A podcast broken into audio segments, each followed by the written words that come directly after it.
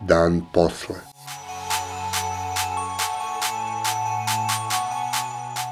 Podcast o krizi i njenim posledicama.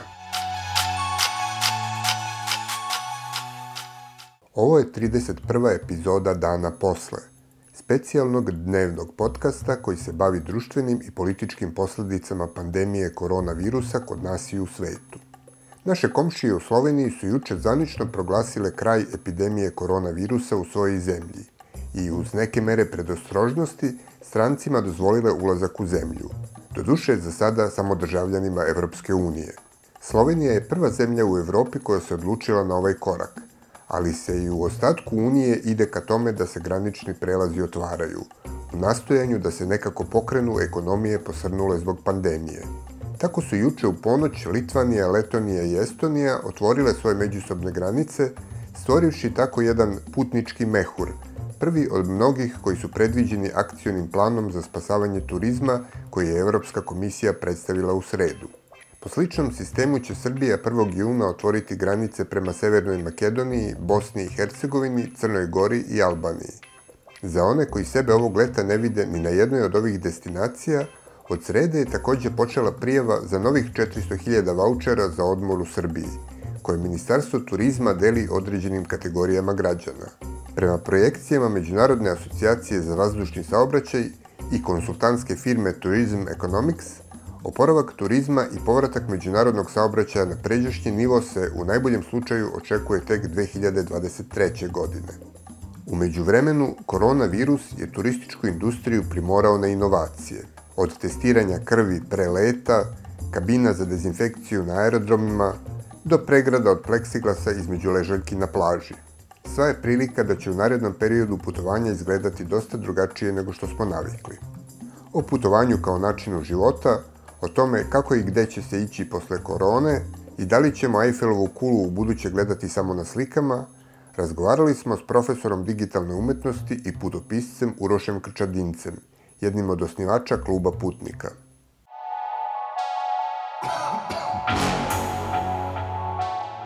Dan posle. Kakvi će biti efekti ove pandemije na turizam i na kulturu putovanja? I što se tiče načina putovanja i što se tiče načina provođenja vremena na, na destinaciji? Ja sam se tim pitanjem bavio sa, sa Lazarom Pašćanovićem i Markom Đedovićem i ekipom iz kluba Putnika nekoliko godina kad sam neko bio najaktivniji okolo kluba Putnika i mi smo tome pristupali na jedan uslovno rečeno antituristički način. Mislim, brenda i antiturizam neka vrsta turizma. Koji imali smo ideju da, da su putovanja neka, neka vrsta ličnog sredstva za obrazovanje, za razumevanje sveta. Mogućnost da čovjek ode i da, da dodirne neke stvari koje, koje je inače video samo na ekranu ili bi o njima čitao i koje bi bile njemu predstavljene iz određenog ugla. A ovako može da ih doživi uživo. I želili smo takođe da to predstavimo kao nešto što je mnogo pristupačnije nego što to ljudi misle. Da ako se ovaj odreknemo raznih udobnosti, da, da možemo i, i prilično jeftino da putujemo i da to može da bude pristupačno čak i za većinu ljudi neke periferijske zemlje kao što je, kao što je naša. E sad mi se čini da to sada, nekih 10-15 godina u odnosu na, na to vreme kad smo se mi time najviše bavili, jeste teže nego što je tada bilo i da je to pandemija promenila i da su jednom pasoši postali važniji nego što su bili tada. S druge strane videli smo da i virusi mogu da putuju, možda smo mi ljudi i previše putovali. Svako smo previše putovali na jedan, na jedan, na jedan bahat i nedovoljno, nedovoljno pametan način. Sada to virusi putuju, a mi, a mi čekamo. A šta možemo da očekujemo što se tiče e, uticaja pandemije na putovanje različitim prevoznim sredstvima, na avion, bus. To je sad već pitanje za neku turističku industriju ili za prevoznu industriju. Ja, ja prosto ne znam dovoljno o tome šta će se kome šta isplatiti. U ovom trenutku vidim da aviokompanije imaju puno problema ono što meni se trenutno čini jeste da će biti mnogo rigoroznije kontrole i na aerodromima i na graničnim prelazima i tome se ne radujem, ali to, to je prosto nešto što, što mislim da je, da je neizbežno u ovom trenutku. Tako da očekujem neku eksploziju neprijatnih biopolitika u stvari. Kad kažem biopolitiki, konkretno mislim na, na ne, kao potvrde o tome da li imamo antitela i da li smo se vakcinisali i na koji način smo preležali virus i tako dalje. Hoće, imati, hoće biti posledica e, po autostoperski način putovanja? Nekako mi je žao kad pomislim da, da ljudi koji sada imaju 20 godina će teže da stopiraju nego što smo mi stopirali. A opet, čini mi se da smo, da smo i mi stopirali teže nego što su naši roditelji stopirali.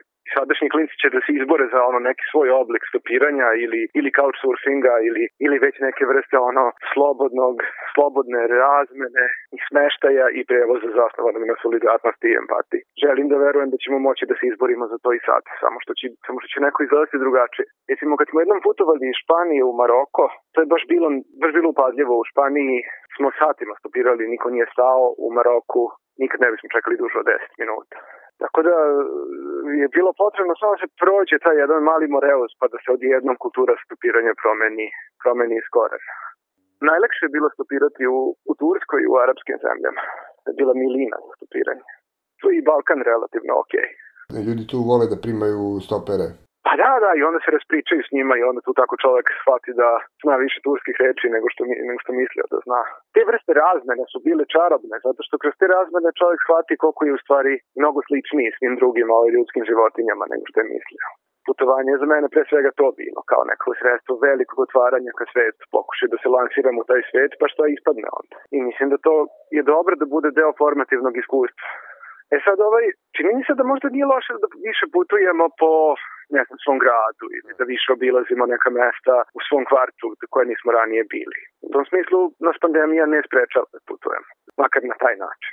Možda će neke stvari biti teže, ali eto, ne mora se preći granica da bi se putovalo. Zato što svi negde žudimo za tom egzotikom i onda često upadamo u zamku egzotizma putujući, jer čitava turistička industrija na neki način počiva na toj egzotističkoj retorici. Sad kao odeš na neki drugi kraj sveta, na Bali ili u Keniju, da vidiš neke potpuno drugačije ljude koji žive nekim potpuno drugačijim životom, ali u stvari to nije baš tako kao svi mi zapravo delimo mnogo više toga nego što, nego što nas razdvaja ispod tih kulturnih razlika se ono kriju vrlo slični problemi.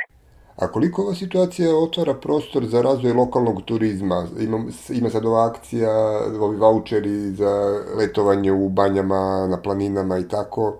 A ne samo to, nego i to ovaj, putovanje čisto da odeš u neki drugi grad u Srbiju koji nisi, nisi do sad bio ja bih voleo da, da ima mnogo više tog nekog malog lokalnog zujanja. Meni je u svakom gradu zanimljivo na svoj način i drago mi je kad mogu da upoznam nekog iz tog grada i kad mogu da razgovaram i kad mogu da čujem neke stvari o načinu života tamo i šta je zanimljivo i, i mislim da, da uopšte kultura putovanja, ova neka mainstream kultura putovanja u kojem živimo je, je ovaj poprilično problematična kao ta neka ideja da ti sad moraš da skupiš neke pare da bi išao u Budvu na leto. Mislim, prosto kao otići u neki potpuno nasumični grad, upoznati tamo neke ljude, provesti jedan ili dva dana, mislim da to može da bude, da bude jedno čudesno iskustvo, bez obzira da li je to, ne znam, Paraćin ili Kikinda ili Sjenica ili, ili Mali Iđoš ili Dimitrovgrad.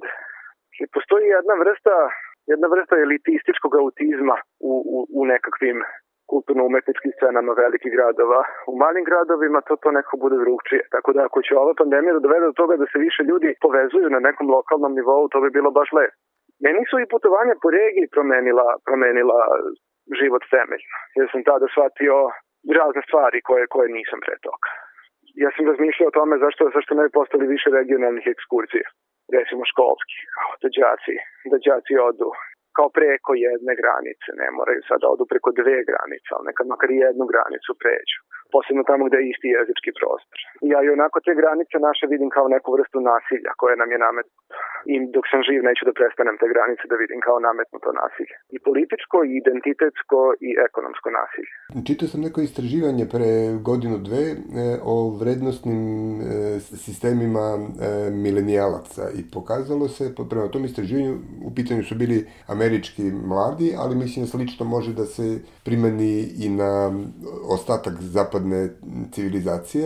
Mladi sve manje e, razmišljaju o trošenju para na neka na, na predmete, na, na stvari koje se poseduju, na automobil i da su sve zainteresovani da troše pare na e, sticanje iskustava, kao na primjer putovanjima. Putovanje na jednom kraju može da bude e, može da bude jedan, kako da kažem, čin lični avanturistički čin ili čin sazrevanja ili čin prelaska, a sa druge strane je, je, je roba kao i svaka druga roba koja može da se kupi i onda da se fotka i da se okači na Instagram i da bude statusni simbol i tako dalje. Tako da ja verujem da mladi ovaj su spremni da kupuju iskustvo više nego objekte, ali ne mislim da je ništa to posebno drugačije nego da se kupuju objekti. Mislim da nam treba više antikonsumerističkog sentimenta, da manje kupujemo bilo šta. Eto, to je još jedna stvar koja je s pandemijom došla. Jedno smo shvatili da možemo da živimo sa, sa mnogo manje bilo čega. I to ne znači da ćemo biti manje srećni. Meni je bilo fantastično sad za vreme pandemije da kao u tim danima koje sam provodio u stanu zatvoren, kao neko više razmišljam ili gledam oblike lišća ili slušam ptice ili, ili gledam materijale predmeta po kući. Odjednom sam imao više vremena da, da obraćam na to pažnje. I, i kao shvatio sam da je to jedna vrsta putovanja, kao ovaj francuski pisac iz 19. veka što je napisao putopis po svojoj sobi. Džabe putovanje ako, kako da kažem, nismo u stanju da putujemo u sebe i da, i da sebe menjamo kroz to putovanje i da osluškujemo i da baždarimo svoje senzore na stvari oko sebe. Ako je to samo roba koju ćemo platiti i onda je zabeležiti i staviti na Instagram, onda, onda bolje da i ne putujemo. Kako su inače, nezavisno vi pre ovaj, e, koronavirusa, kakvi su bili zdravstveni rizici putovanja u, u, u neke zemlje? Postoje zemlje prosto u tropskom pojasu koje, koje ovaj, e, još uvek muku muče sa, sa nekim zaraznim bolestima i recimo pre tog velikog afričkog putovanja mi smo, mi smo išli na, na institut Batut u Beogradu da se vakcinišemo na tih nekoliko najvažnijih. Ja se na putu nikad nisam razboleo ni jednom takvom bolešću. Ono možda sam imao proliv ili temperaturu ili grip i to je bilo sve. Mi smo pazili što se tiče malarije, koristili smo razne ove mreže protiv malarije i autan i u tom smislu su bili odgovorni kao putnici. Jedna od stvari koja je neizostavno vezana sa putovanjima su granice. Pre e, pandemije postojala je nekako težnja labavljenju granica. Evropska unija kao takva je počivala na, na praktično ukidanju granica. Onda je došla pandemija, onda su granice odjednom postale strašno važne i e, nešto što nam je određivalo naš svet. Šta će biti s granicama u budućnosti? Kad pogledamo šta su problemi današnjeg sveta, a to su klima i migracije i ovakvi biohazardi i tehnologija na kraju krajeva, način razvoja tehnologije i mediji, internet, dakle sve globalno. Kompletna situacija je globalna, a naše institucije su i dalje su i dalje lokalne i dalje su nacionalne i ovaj jedan biolog britanski je rekao nešto mi se svidelo, imamo paleolitske emocije, imamo srednjovekovne institucije i imamo božansku tehnologiju.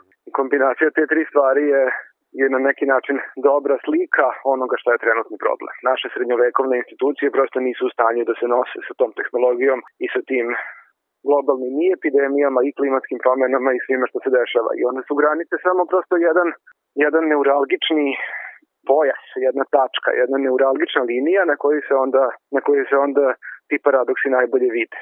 Da virus može da pređe granicu, a da ja ne mogu da pređem granicu. Da novac i roba mogu da pređu bilo koju granicu, a da ti ne možeš ili da migrant ne može. Neko vraćanje na osnovni humanizam će tu biti jako važno. Da li smo u stanju da razmišljamo o odnosima koji su solidarni, da razmišljamo o empatiji ili će, ili će sve da se pretvori u nekakvu krvavu borbu za preživljavanje svih protiv svih i opet će to na granicama biti najočiglednije. To neko pretvaranje ono Evrope u neku tvrđavu i zabranu, zabranu migracija i pretvaranje Balkana u neku vojnu krajinu. E, pa hoće vrediti putovanje sektor maltretiranja na granici na aerodromu sa ograničenjima na plažama, sa ograničenjima što se tiče pristupa muzejima ili će to neki skroz drugi e, oblik da poprimi? Pa dobro, sad tu ima više slojeva. Ta ograničenja će trajati dok se ne pronađe vakcina ili dok se pandemija ne stavi pod kontrolu, još godinu dana, godinu i nešto, dve, ako se pronađe vakcina, ali se ja više plašim nekakvog ojačavanja granica koje će da bude neka opšta društvena posledica te pandemije. I zamišljam te kontrole na aerodromima da budu još gore. Aerodrom je tu super zanimljivo mesto, kao neka kombinacija kombinacija ovaj shopping mola i predoperacione sale i nekakvog nekakve ono vojno-policijske postaje da ono kombinacija i anksioznosti i kontrole i nadzora i potrebe da te ono neko umiri pre taj let koga se plašiš da ti istovremeno ono uvali i proda gomile, gomile preskupih besmislica. To će sada da bude još dodatno pojačano sa ovim biopolitikama, potvrdama o vakcinaciji i slično. Možda treba putovati namerno prolaziti kroz sve te stvari i onda pisati o tom. Možda su ta iskustva kao baš, baš relevantna za, za neko savremeno stanje. To kao ne mogu da, da uđem na plažu ili kao stojim na aerodromu dva dana i ne mogu da uđem nigde.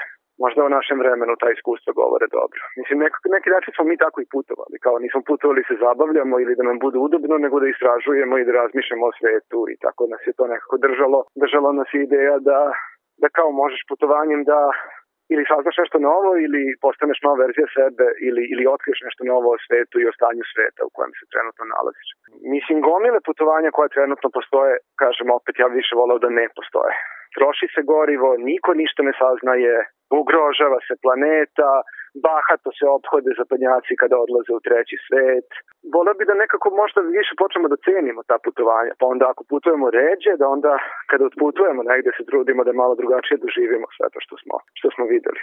Jer kad se čovjek nađe u toj novoj situaciji, u nekom novom gradu gde je novi jezik, gde je nova zemlja, odjednom ga sve napada i u tom stanju on prosto postaje, postaje drugačija osoba, receptivniji, kao više, više upija sve to, a istovremeno ima malo potrebu i da se brani. I onda, to, i onda nas to menja. Ali puno ima putovanja koje nisu takva, koje su ono, kao vrlo industrijska turistička putovanja gde ste vi malo to kao neka predmet na, pokretnoj traci odvedu vas da vidite to što je planirano, vi to vidite, uđete nazad u autobus, vratite se nazad. Ako takvih putovanja bude manje, meni neće biti žao. A možda će u putovanju o budućnosti, ovaj, možda će polazište biti e, značajnije od dolazišta? Pa i tako se to može reći, ovo baš lepo, da. Još jedna stvar s putovanjima koja je lepa jeste da čovek na putovanju nekako spozna mnogo više o mestu odakle je došao nego što to može dok živi u tom mestu. Jer odjednom ga ljudi pitaju odakle ti ideš, šta je ta zemlja, šta je taj grad, šta je ta regija, šta je to bilo kod vas. I onda ovaj čovek na neki način počne da razmišlja o tome. Mene su prva moja samostalna putovanja naterala da mnogo više počnem da čitam i o istoriji, i o društvu, i o svim tim temama kojima sam se ranije mnogo manje bavio. Jer sam odjednom osetio da sam ja na neki način odgovoran. Da je putnik neka vrsta glasnika, svako od nas je neka vrsta glasnika. I to što ćemo mi širiti, bolje bi bilo da to ne budu nekakve prerađene već poruke, stereotipi, ideološki obrazci, nego da bude nešto od čega smo došli sami, ukoliko je tako nešto uopšte moguće. Meni je bilo jako zanimljivo sad kako je ovo uh, ukinut uh, javni prevoz u Beogradu, a i sad kako je vraćen, pa je sad uh, rizično uh, zbog nepoštovanja mera zaštite. E, potpuno sam prešao na, na e, pre, prelaženje svih e, udaljenosti po gradu peške. Idem peške i usput vidim neka mesta kuda autobuske linije ne prolaze, tako da i to neko mikroputovanje isto doživjelo neku transformaciju. Ja to sam stariji, sve više verujem u ta mikroputovanja. Mislim da je to, da je to sjajno ako ima ljudi koji su, koji su pronašli neku, neku novu radost u tim mikroputovanjima, koji su otkrili mikroputovanja sada, ja, ja sam srećan zbog toga. Mislim da smo previše tupi na takva mala iskustva kao neki novi izlog ili neka nova fasada ili neka nova radnja ili neka nova ulica da nismo u stanju da im se radujemo i da nam budu zanimljiva onoliko koliko, koliko bi realno moglo da nam budu zanimljiva.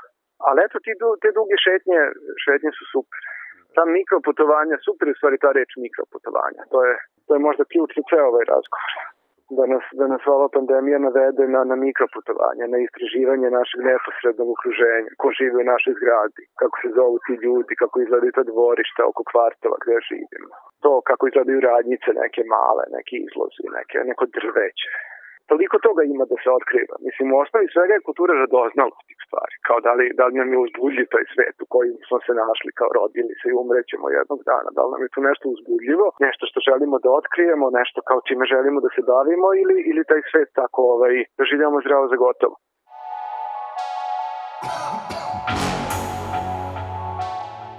Dan posle. Bila je ovo epizoda dana posle za 16. maj 2020. godine. U utorak 19. maja moći ćete da čujete novu epizodu s novim sagovornikom. Nije još sve prošlo, pridržavajte se mera zaštite od koronavirusa, čuvajte svoj i tuđe živote i ne ćutite pred glupošću i nepravdom. Dan posle je specijalno izdanje Tačke ključanja, autorskog podcasta koji se realizuje uz podršku građanskih inicijativa. Redakcija Ilir Gaši, Tara Petrović i Aleksandar Gubaš. Urednik i voditelj Aleksandar Gubaš. Muzika Zeifol i Ben Sound.